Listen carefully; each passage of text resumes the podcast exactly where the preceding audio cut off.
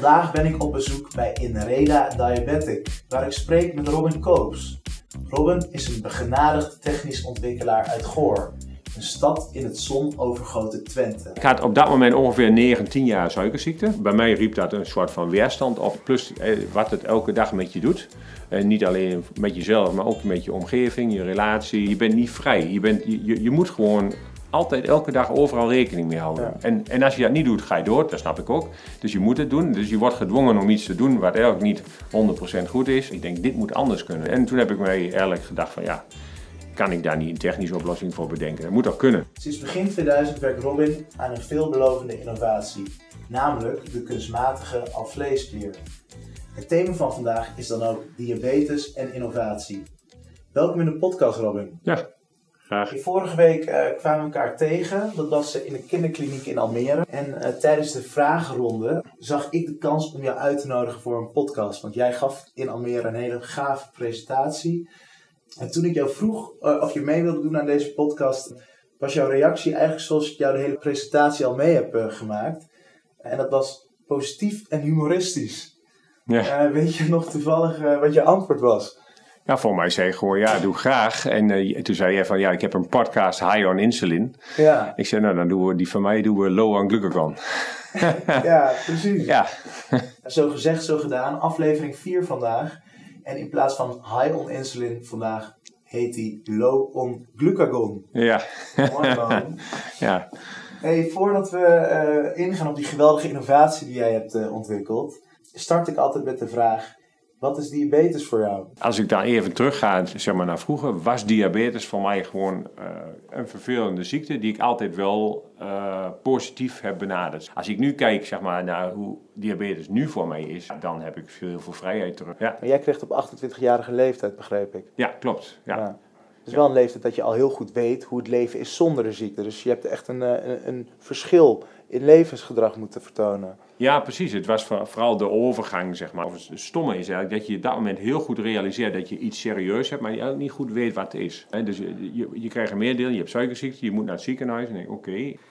En dan, uh, ja, dat besef is gewoon best wel een emotioneel moment. Dat zal ik ook nooit vergeten, zeg maar. Dus, ja, dat, maar goed, dat is, uh, ja, rijdt naar het ziekenhuis en na vijf dagen later word je weer naar huis gestuurd en dan hebben ze je geleerd hoe je moet spuiten. Die, die beelden heb ik nog steeds voor me, dat ze mij die pen geven en zeggen, nou, die moet je in je buik uh, drukken. Dus eerst doe je gewoon wat de dokters je zeggen en dan ga je mee in dat stramien en langzaam uh, ja, bouw je daar weerstand tegenop. Na 25 jaar suikerziekte weet je ook niet meer hoe het was, zeg maar. Dan heb je ook dat helemaal geaccepteerd. Er zijn ook mensen die gewoon überhaupt niet weten hoe normaal leven is, zeg maar, omdat ze van kleins af aan vanaf twee, driejarige leeftijd suikerziekte hebben. En ja, die weten dat gewoon niet meer, zeg maar. Ja, ik was zelf zes, dus in principe heb ik nog vaag een beeld hoe dat zou moeten zijn. Maar dat is wel heel vaag. Dus uh, ik denk dat we daar dan erg in verschillen. En daarom vroeg ik ook, jij weet echt hoe het daarvoor was. Dan is het misschien nog wel wat heftiger om eraan te wennen. Aan de andere kant is het natuurlijk wel weer positief om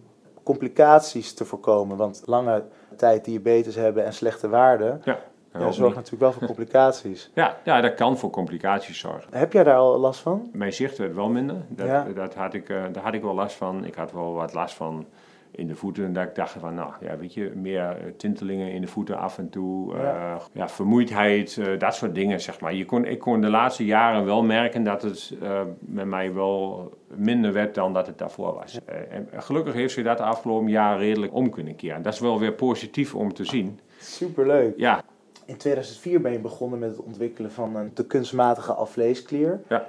Um, wat was toen de tijd, het is toch inmiddels alweer bijna 16 jaar geleden, jouw motivatie?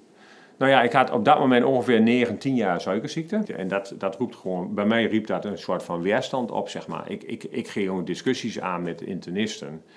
Eh, ondanks dat die ook niet veel beter wisten op dat moment misschien. Maar ik zei gewoon van, ik wil wel helpen met onderzoeken. En dan hoorde je daar nooit wat van weer.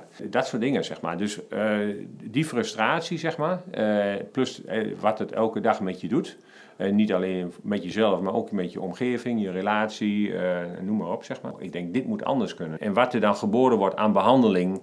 Eigenlijk is het geen behandeling. Je, je, je kunt niet anders, maar je bent niet vrij. Je, bent, je, je moet gewoon altijd elke dag overal rekening mee houden. Ja. En, en als je dat niet doet, ga je door, dat snap ik ook. Dus je moet het doen. Dus je wordt gedwongen om iets te doen wat eigenlijk niet 100% goed is. En toen heb ik mij eigenlijk gedacht van ja, kan ik daar niet een technische oplossing voor bedenken? Dat moet toch kunnen? Want eh, om terug te komen op de vraag, nu is de reden denk ik redelijk duidelijk. De motivatie was vooral dat die ziekte toch zo ingrijpend was dat je daar iets goeds voor wilde ontwikkelen dat heel veel zorgen voor de patiënt wegnam. Zeg ik dat ja, goed? Ja, dat klopt. Ja. Uiteindelijk kun je niets alleen. Nee. Met wie heb je dat toen gedaan of, en ondernomen? Nou, ik ben begonnen met twee vrienden. Hè. Dus een van die jongens die wat, eh, zat in de, in de software, zeg maar. Ik zei, nou, die heb ik in ieder geval nodig, ga ik iets wil maken. Dus eh, Rob heb ik gevraagd. En, eh, en Joost, die werkte, was op ziekenhuis, was mijn diabetesverpleegkundige ook. En, eh, Een vriend geworden door... ja, precies. Ja. Dus eh, Door- ik- door- die door kwam ook uit. Goor en eh, ik, ik, ik kwam daar uiteindelijk, eh, was ik daar, eh, was ik zijn patiënt, zeg maar. Op een gegeven moment ben ik gewoon naar hem toe gegaan. Ik zei, Joost, ik heb wat insulinepompjes nodig. En eh, nou, dat kreeg hij heel raar. Ja, ik zei, ze hoeven het niet te doen. dat vond hij ook nog veel raarder, zeg maar. Hoezo hoefde ze het niet te doen? Nou, ik dan? ging ze toch slopen, dus eh, Ah. dat ik had gewoon de onderdelen nodig, meer niet, zeg maar.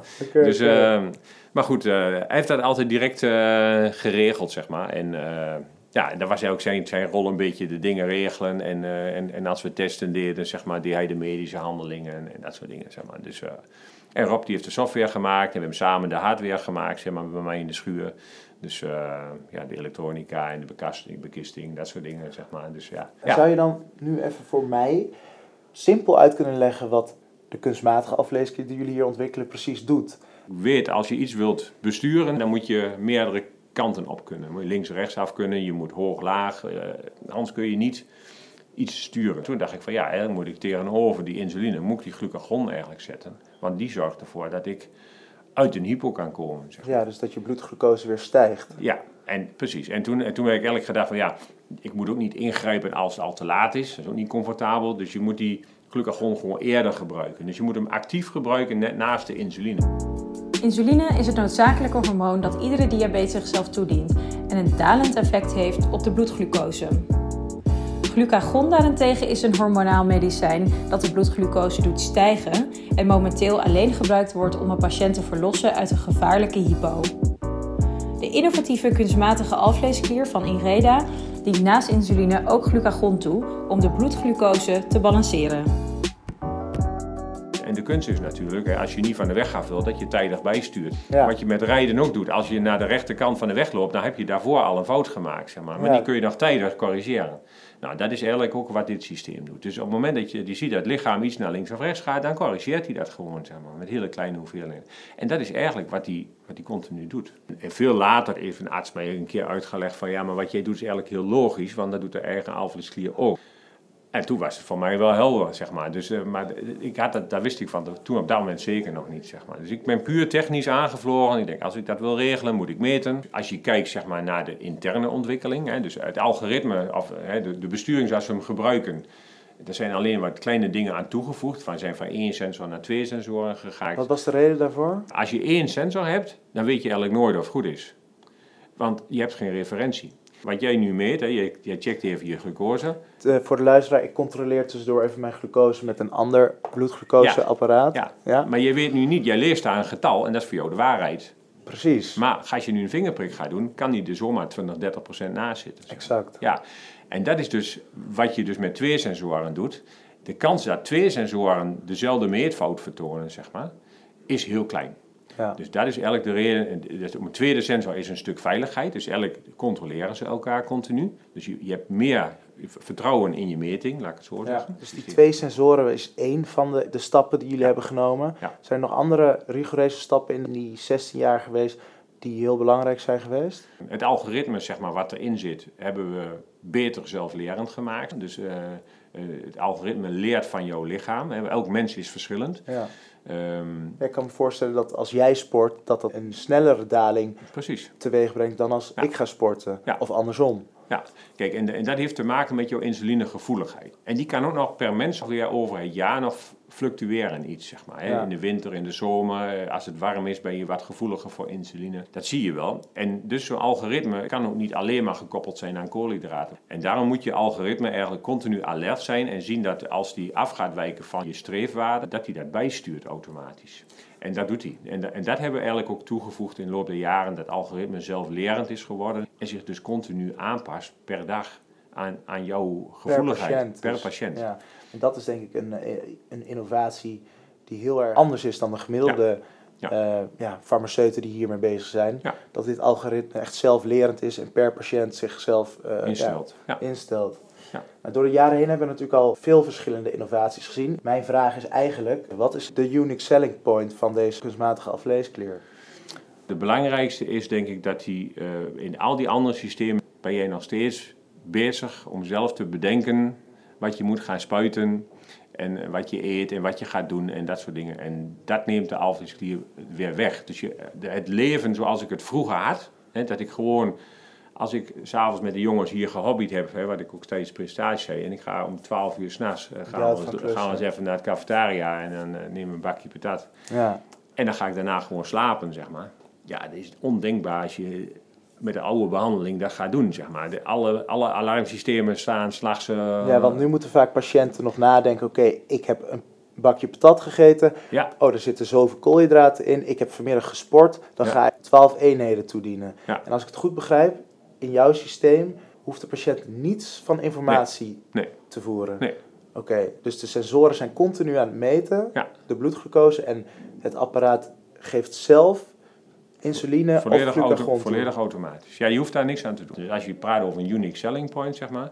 Al die andere systemen vragen nog heel veel energie van jou, zeg maar. En, en dit systeem eh, brengt dat gewoon echt bijna terug naar, naar, heel, naar, naar een heel laag niveau, laat ik het maar zo zeggen. Jij zegt dat jij, maar ook de mensen die hem hebben gedragen, werkelijk wat frisser in hun hoofd zijn geworden. Ja. Kun je dat uitleggen?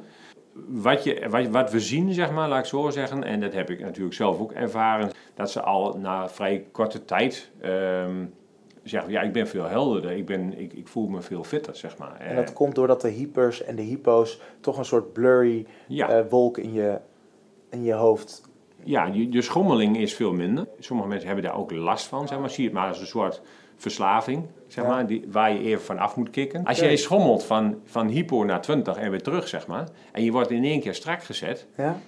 dat voelt een beetje ongemakkelijk. Hè? Dus je lichaam is gewend om continu van hoog naar laag, van hoog naar laag. Dat lichaam vindt dat misschien ook van zichzelf best wel lekker. ja. Maar wij zetten hem gelijk strak. En dat, en dat in duurt het een we- begin? Ja, in het begin. Is de het eerste fijn, week. wil je zeggen? Nee, helemaal niet. Nee, Nee? nee, sommige mensen vinden dat niet direct fijn. Oh, ik vind het heel erg interessant om ooit te gaan voelen hoe het was om gezond te zijn. Precies. hoe mijn hersencapaciteit zou zijn als ik gezond zou zijn.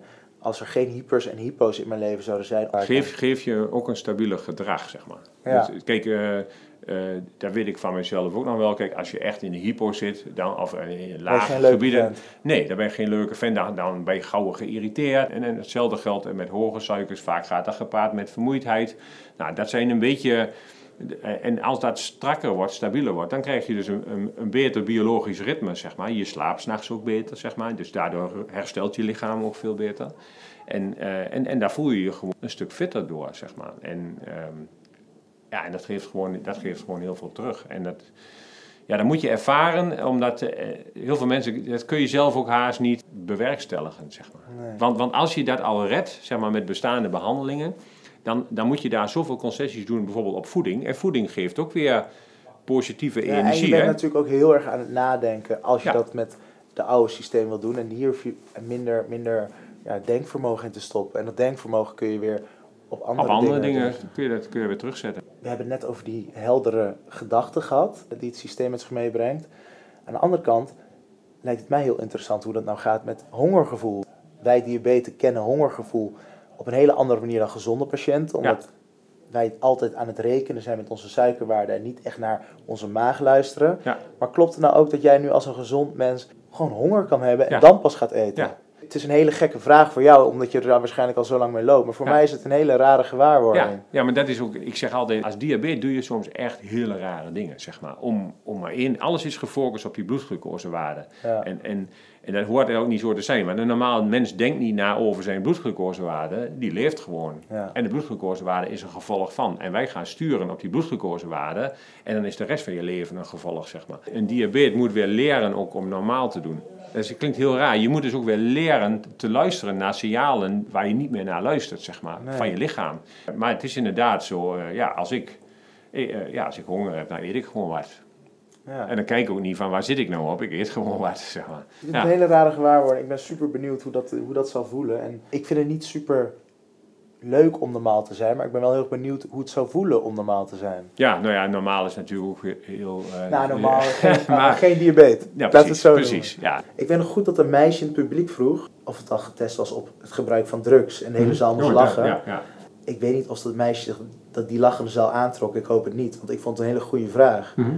Eh, want het gaat natuurlijk heel veel vrijheid teruggeven. En, en als ik zeg maar nadenk over de theorie, kan ik me goed voorstellen dat de drugs die gebruikt worden door jongeren, wat veel marihuana en ecstasy is deze dagen, eh, dat ik me voor kan stellen dat ook dat gewoon goed zal blijven. Maar daar is natuurlijk nog geen studie naar gedaan. Dat kun je ook heel moeilijk een studie naar doen, denk ik. Ga maar eens mensen vinden die dan dat willen gebruiken in een studie. Je, je kunt natuurlijk ook geen illegale dingen. Kijk, eh, wat we wel hebben natuurlijk is volop is, is alcohol. En dat zien we, alcoholgebruik zien we gewoon eh, in de studie. Het mooie is, hij werkt autonoom. Dus als je oud bent als resultaat van gebruik van drugs, is er niks aan de hand, want dat ding doet het wel. En hij reageert op je lichaam. is gewoon aan het sensoren die Ja, precies. Dus, zijn. dus ook als jij helemaal oud bent, ja, weet je, dat ding regelt het wel. Tenzij er dan op dat moment een alarmpje komt te zeggen van je moet een vingerprik doen, ja, daar ga je niet op reageren. Nou ja, Ja.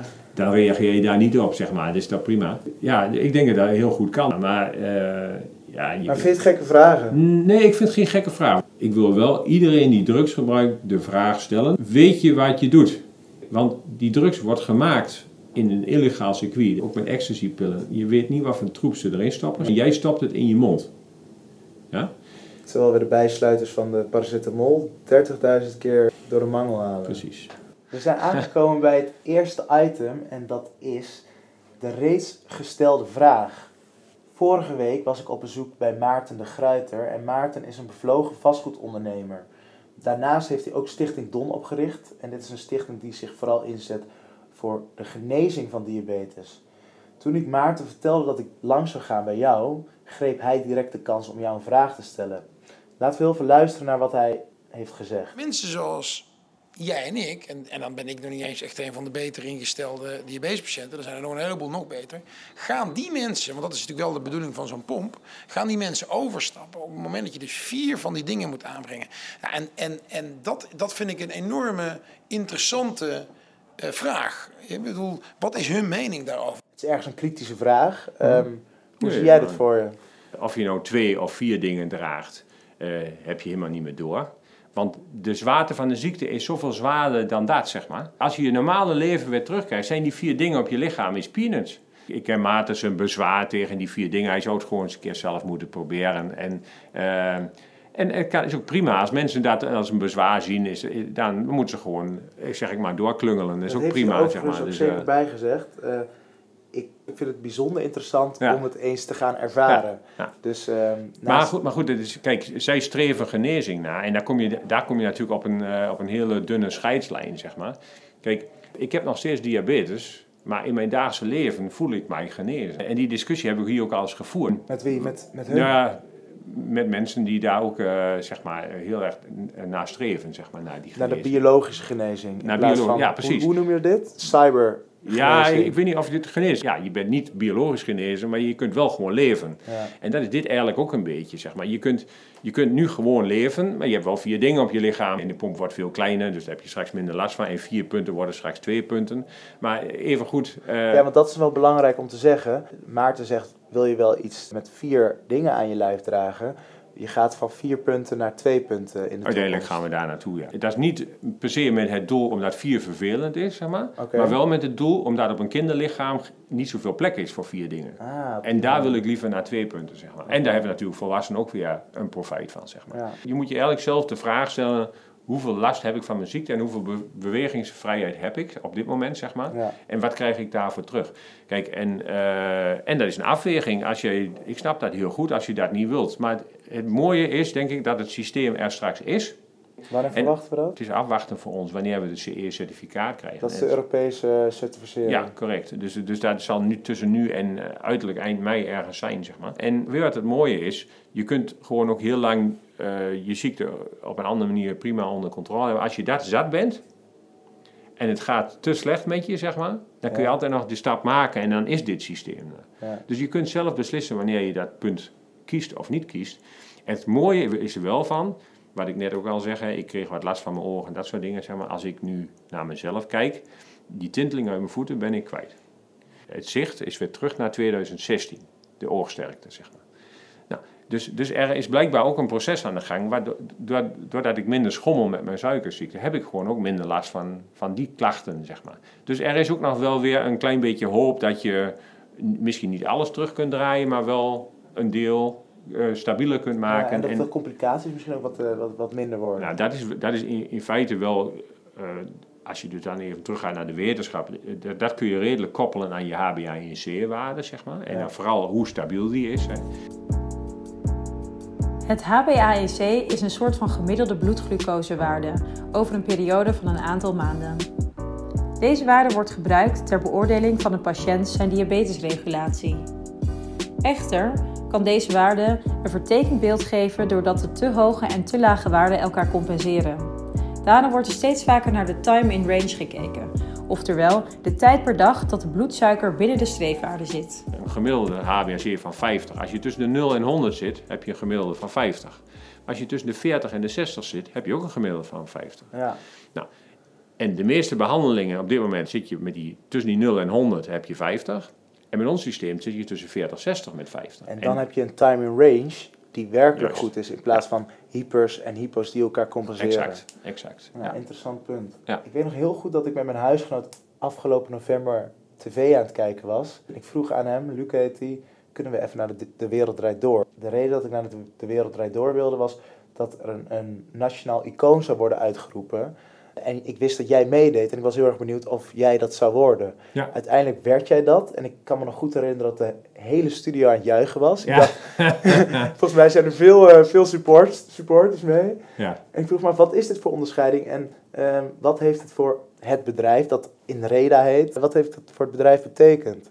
Nou ja, we zijn hier inmiddels met 40 mensen, zeg maar. Dus we zijn een serieuze organisatie aan het worden, zeg maar. Ja. En die mensen werken allemaal daar heel erg aan. Ze zouden ook bij andere bedrijven kunnen gaan werken, misschien meer kunnen verdienen. Maar ze, ze zijn ook ideologisch, zeg maar, met dit product bezig. En dit soort dingen, dit soort momenten, zeg maar, is voor iedereen een stuk erkenning en een stuk waardering, zeg maar, wat ze terugkrijgen voor de energie die we met z'n allen hier erin stoppen, zeg maar. Ja, Kijk, eh, ik sta altijd wel op de voorgrond, maar ik kan dit ook niet alleen, zeg maar. Hè. Dus eh, je moet dat, doet dat met elkaar. En wij doen dat als team. Iedereen hier ben ik daar ook eh, dankbaar voor dat ik die vrijheid terug heb gekregen, zeg maar. is dat duidelijk afgesproken dat jij de, de, het, het gezicht bent van het bedrijf of is dat zo gelopen? Dat is zo gelopen, denk ik. Zeg maar. ik. Ik heb daar ook niet om gevraagd. Ik vraag daar ook niet om. En ik, ik zit er ook niet om te springen in dat opzicht. Maar het is wel iets wat bij mij dan hoort. En prima, dan doe ik dat gewoon. Dat is als onderdeel van dat team doe ik dat stukje. hè. Dus, eh, dus, dus het is een, dat nationaal icoon is echt een stuk waardering. En daarom juicht ook iedereen. Want we zaten daar met bijna 30 man uit personeel en bij. als je dan ook nog wint, ja, dan is het echt een feest Dat was natuurlijk een beetje de vraag en de gok natuurlijk. Maar ja, dat weet je niet. Maar de, eh, ja, ja, het kwam, kwam toevallig zo uit. En dat was Het is een mooi. onderscheiding van, eh, van de overheid, begrijp ik toch? Ja, het is, een- het is een regeringsbesluit. Je kunt jezelf niet voor opgeven, zeg maar. Dus die wordt door iemand anders opgegeven. En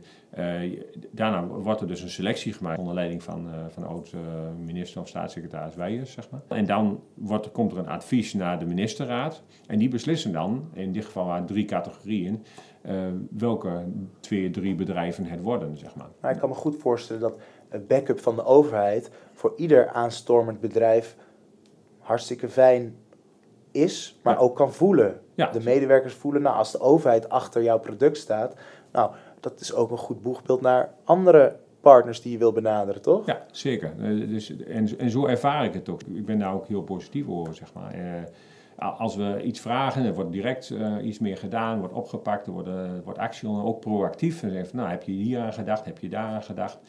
Ehm, je, je wordt gelijk aan tafel gezet met de juiste mensen. Dat is ook heel. Normaal ben je soms een half jaar bezig om uit te vogelen van wie, wie gaat daar nu over. Ja. En, en nu weet ik het met, met Dus twee naast de weken. Weet ik waardering die jij en de medewerkers van het in Reda hebben gehad, ook hartstikke handig om nu Ja. door te lobbyen en door te, te gaan. Zeker, maar uite- uiteindelijk is mijn doel natuurlijk ook om gewoon, eh, net als die sensor die nu voor iedereen beschikbaar komt, uiteindelijk wil je ook, Ook gewoon dat dit apparaat dat dit uiteindelijk wordt. voor iedereen beschikbaar wordt. En, maar dat ook dat de maatschappij wat oplevert, zeg maar. En niet alleen maar geld kost. Hè? Ja. Dus eh, het moet ook iets opleveren, zeg maar. Voor de verzekeraars, maar ook voor, voor de overheid eh, is belangrijk. Hey, we zijn aangekomen bij het volgende item en dat is de ingezonde vraag. De ingezonde vraag. We hebben Justus uit Oosterhout die zich het volgende afvraagt. Heb je wel eens moeite gehad met wetenschappers die verwaand gedrag vertoonden? Dat ze misschien dachten, waarom zouden deze boertjes uit Twente met zo'n geweldige doorbraak kunnen komen? Ja, ja, je komt zeker artsen tegen die nog steeds zeggen van ja, nee, het lichaam doet het ook alleen met insuline. Die kom je nog steeds tegen. Nu nog, er zijn nu nog artsen die zeggen ja, maar dat kan helemaal niet wat jij doet. Dat, dat is nog steeds zo. Ja, prima. Weet je, dat is dan hun mening. eh, en, maar Wij goed, gaan het tegendeel. wij gaan het bewijzen. tegendeel bewijzen. En kijk, eh, ik heb ook het geluk gehad zeg maar, dat er een aantal artsen zijn geweest die ook zoiets hadden van ja, weet je, het lijkt in ieder geval de goede kant op te gaan. Laten we maar in ieder geval positief ingaan en laten we kijken, laten we het een kans geven. Hè? Dus eh, ja, nou goed. eh, En, en, en, dus er was een stukje overtuiging en er was een stukje goede wil. En straks op de ATTD, dat is volgende maand in Madrid, dat is een internationaal congres, daar gaan we de resultaten publiceren van die 40 mensen die we dit jaar Ah, getest hebben. Ja. Dus dan kan de wetenschap ook meer genieten zeg maar, van wat wij al weten. Zeg maar. dus, eh, Er zullen ook farmaceuten op dat soort plekken zijn. En ik kan Ja. me goed voorstellen dat farmaceuten toch angstig zijn voor hun marktpositie. Met, eh, Ja, maar het is heel raar natuurlijk. Kijk, je praat over gezondheid van mensen, zeg maar. Kijk, uiteindelijk moet je met elkaar nastreven dat, dat je een groep mensen in een maatschappij, dat we die gewoon gezonder maken met elkaar. Kijk, en dat daar uiteindelijk eh, Geld geld mee wordt verdiend, dat moet ook, want wij moeten ook ons bedrijf continueren. Maar er is een verschil tussen geld verdienen en omwille van het lijden van mensen heel veel geld verdienen. Zeg. De farmacie zit nog wel een beetje soms in die hoek. En dat maar vind ze ik hebben in ieder geval die stempel. Of ze dat ook verdienen. Is of ze dat allemaal verdienen, weet ik niet. Maar ze hebben de stempel zeker. Ja, en, maar het is ook, zo zit die industrie ook wel een beetje in elkaar, zeg maar. En dat eh, weet ik inmiddels ook, en dat is wel jammer. Als je uiteindelijk k- kijkt naar eh, S- Steve Jobs bijvoorbeeld, zeg maar, uiteindelijk eh, overlijdt hij gewoon aan kanker, zeg maar. En eh, al dat geld hebt er gewoon geen bal aan, zeg maar, als je de doppers dicht doet. Dat Dus vond ik een heel mooi punt eh, toen ik jouw TED-talk zag, de laatste bij de UT. Eh, dat je een beetje emotioneel werd aan het eind. Ja. Omdat je vertelde dat je graag iets na wilde laten aan, Ja. aan deze wereld. Tenminste, dat willen de meesten. En dat jij zei, dit is hetgene wat ik graag wil nalaten. vond ik heel mooi om te zien. Ja, nou, maar dat is ook zo. Kijk, wat ik ook altijd tegen mijn kinderen zeg. Je kunt wel veel geld willen verdienen in het leven. Maar je moet, iets, je moet eerst iets, een prestatie leveren. En dat je daar een beloning voor krijgt, dat is prima, zeg maar. Maar het moet niet andersom zijn. En ehm, als ik dit zou verslingeren aan een, eh, een farmaceut die er helemaal niks mee doet. Dat voelt voor mij als mijn ziel verkopen, bij wijze van spreken. En, dan heb ik nog steeds mijn ziekte. En dat gaat ook niet gebeuren. En dat wil ik ook niet. Dus, en, maar aan het eind van de rit, ik hoef, ik hoef er ook geen geld aan over te houden. Ik, ik heb mijn gezondheid terug. Dat vind ik het allerbelangrijkste. En ik gun jou dat ook en andere mensen. En prima. En daarom snap ik soms weerstand niet goed. Want er zitten altijd economische redenen achter weerstand. En als wij allemaal voor ogen hebben dat wij jou en mij beter willen maken, zeg maar. Dan gaan we daar gewoon samen een oplossing voor bedenken. En En met die weerstand bedoel je dan farmaceuten die tegenwerken of wetenschappers die tegenwerken misschien wel. prima. Dat zijn misschien doemgedachten, maar het zou kunnen dat er af en toe tegengewerkt wordt door bepaalde lobbygroepen. Dat kan, maar dan, dan heb je niet het belang van de patiënt alleen maar Nee. voor ogen, zeg maar. Kijk, en als er morgen genezing is, dan doe ik met liefde mijn systeem af, hè. In Dan dat dat Stichting, opzicht- Stichting Don, goed gedaan. Dat zeg, zeg ik, ja precies. Dan zeg Maarten, je hebt je job goed gedaan. Perfect. Dankjewel. En, maar dan ga ik met dit apparaat nog meer, nog, nog steeds mensen helpen met alvleesklierkanker. Die geen alvleesklier, die kunnen niet genezen, überhaupt niet genezen worden, zeg maar. Types 2, die ook insuline spuiten. Dus de investering die we hierin doen, zeg maar, eh, eh, de tijd die we erin stoppen, is altijd goed voor een bepaalde groep die er benefits uit haalt. Daar haal ik ook mijn energie uit en daar haal ik ook eh, mijn motivatie uit, zeg maar. En, eh, en, en nergens anders uit. Ja. Super. We zijn aangekomen bij het derde item. En dat is het diabetesdilemma. Het diabetesdilemma. En Robin, in dit dilemma stel ik een aantal vragen. En het is belangrijk voor jou dat je kort één antwoord geven. Oké, ik doe mijn best, want ik kan alles uitweiden. Nee, nee, nee, nee, dat is niet de bedoeling. Nee, dat ga ik niet doen. Oké, De eerste. Hypo of hyper? hyper. Matthijs van Nieuwkerk of Eva Jinek? Matthijs. Insuline of glucagon? ja. Dan maar insuline. Ja, dat kunnen we niet zonder. Ja. Schnitzelpletter of borstontklipper? Een. Investeren in genezing of behandeling? Genezing. Bier of spa rood? Spaarrood. Ik lust geen bier. Wat drink je dan? Ja, ik meestal cola. Colaatje. Lekker man. Ja. Je zegt toch genezing? Ja, kijk, ik hoop dat het ooit komt. Laat ik daar heel duidelijk in zijn. Maar tot die tijd moet je wel iets hebben. Je kunt niet blijven doorgaan totdat de genezing is. Je je wilt ook tot die tijd graag leven. En, eh, en ik denk dat dat heel belangrijk is. En alles wat daaraan bijdraagt, zeg maar, om eerder die ervaring te hebben dat je genezen bent, of dat je in ieder geval weer normaal kunt leven, zou iedereen moeten omarmen in, in mijn optiek. Kijk, eh, dat, dat wil ik toch wel even aanstippen. Een aantal jaren geleden hebben we gewoon heel veel geluk gehad met de hulp van eh, een mevrouw in Nederland. Terugkijkend naar een moment van hulp, is dat eigenlijk het belangrijkste moment van hulp geweest. Ik word er een beetje emotioneel van, maar waar we nu staan, zeg maar. Zonder dat had ik hier nu niet gestaan. Heb je nog contact met deze vrouw? Die is twee maanden nadat ze dat gedaan heeft overleden. Oh jeetje. Ja, Ach. Ja. Had ze zelf diabetes? Nee, eh, haar kleinzoon. Dus ze heeft het, ook in het resultaat van nu ja, niet kunnen zien. Dat is wel jammer. Hopelijk gaat haar kleinzoon dit nog... eh, Ja, die heeft het nu voortgezet, zeg maar. Haar zoon heeft het voortgezet. Dus die kwam een half jaar daarna, die, die kwam eens kijken van... ja, wat, wat gebeurt er eigenlijk met het geld van mijn moeder? en toen had hij zoiets van, ja, dit is geweldig. En, eh, ja, ik, en dat was dus zijn zoon waar het om ging, zeg maar. En, eh, nou, en, en hij heeft het eigenlijk voortgezet. Dus dat heeft ons eigenlijk gebracht waar we nu zijn. Naast natuurlijk de inspanning van die 40 mensen, zonder dat... Kijk, het ene is geld en dat geld heb je nodig om, om dingen te doen. Maar het gaat om dat je dezelfde mindset hebt, zeg maar. En dat je iets voor de mensen wilt betekenen, zeg maar. En dat is belangrijk. Ik vind dat het een hele mooie afsluiting is van deze podcast. Zeker. We hebben gelachen, we hebben gehuild. Ja, Eh, ik wil alle luisteraars heel erg bedanken voor het luisteren naar de podcast. Die vandaag voor één keertje, hoe heet die? low on glucagon. Low en Glucagon heette. Met Ja. vandaag de gast niemand minder dan Robin Koops. Ontzettend bedankt Robin. En als je nog een geluid voor de luisteraars hebt. Ik heb nog, één, want dat low on glucagon is wel grappig. Want je zou niet high on insulin moeten zijn, zeg maar.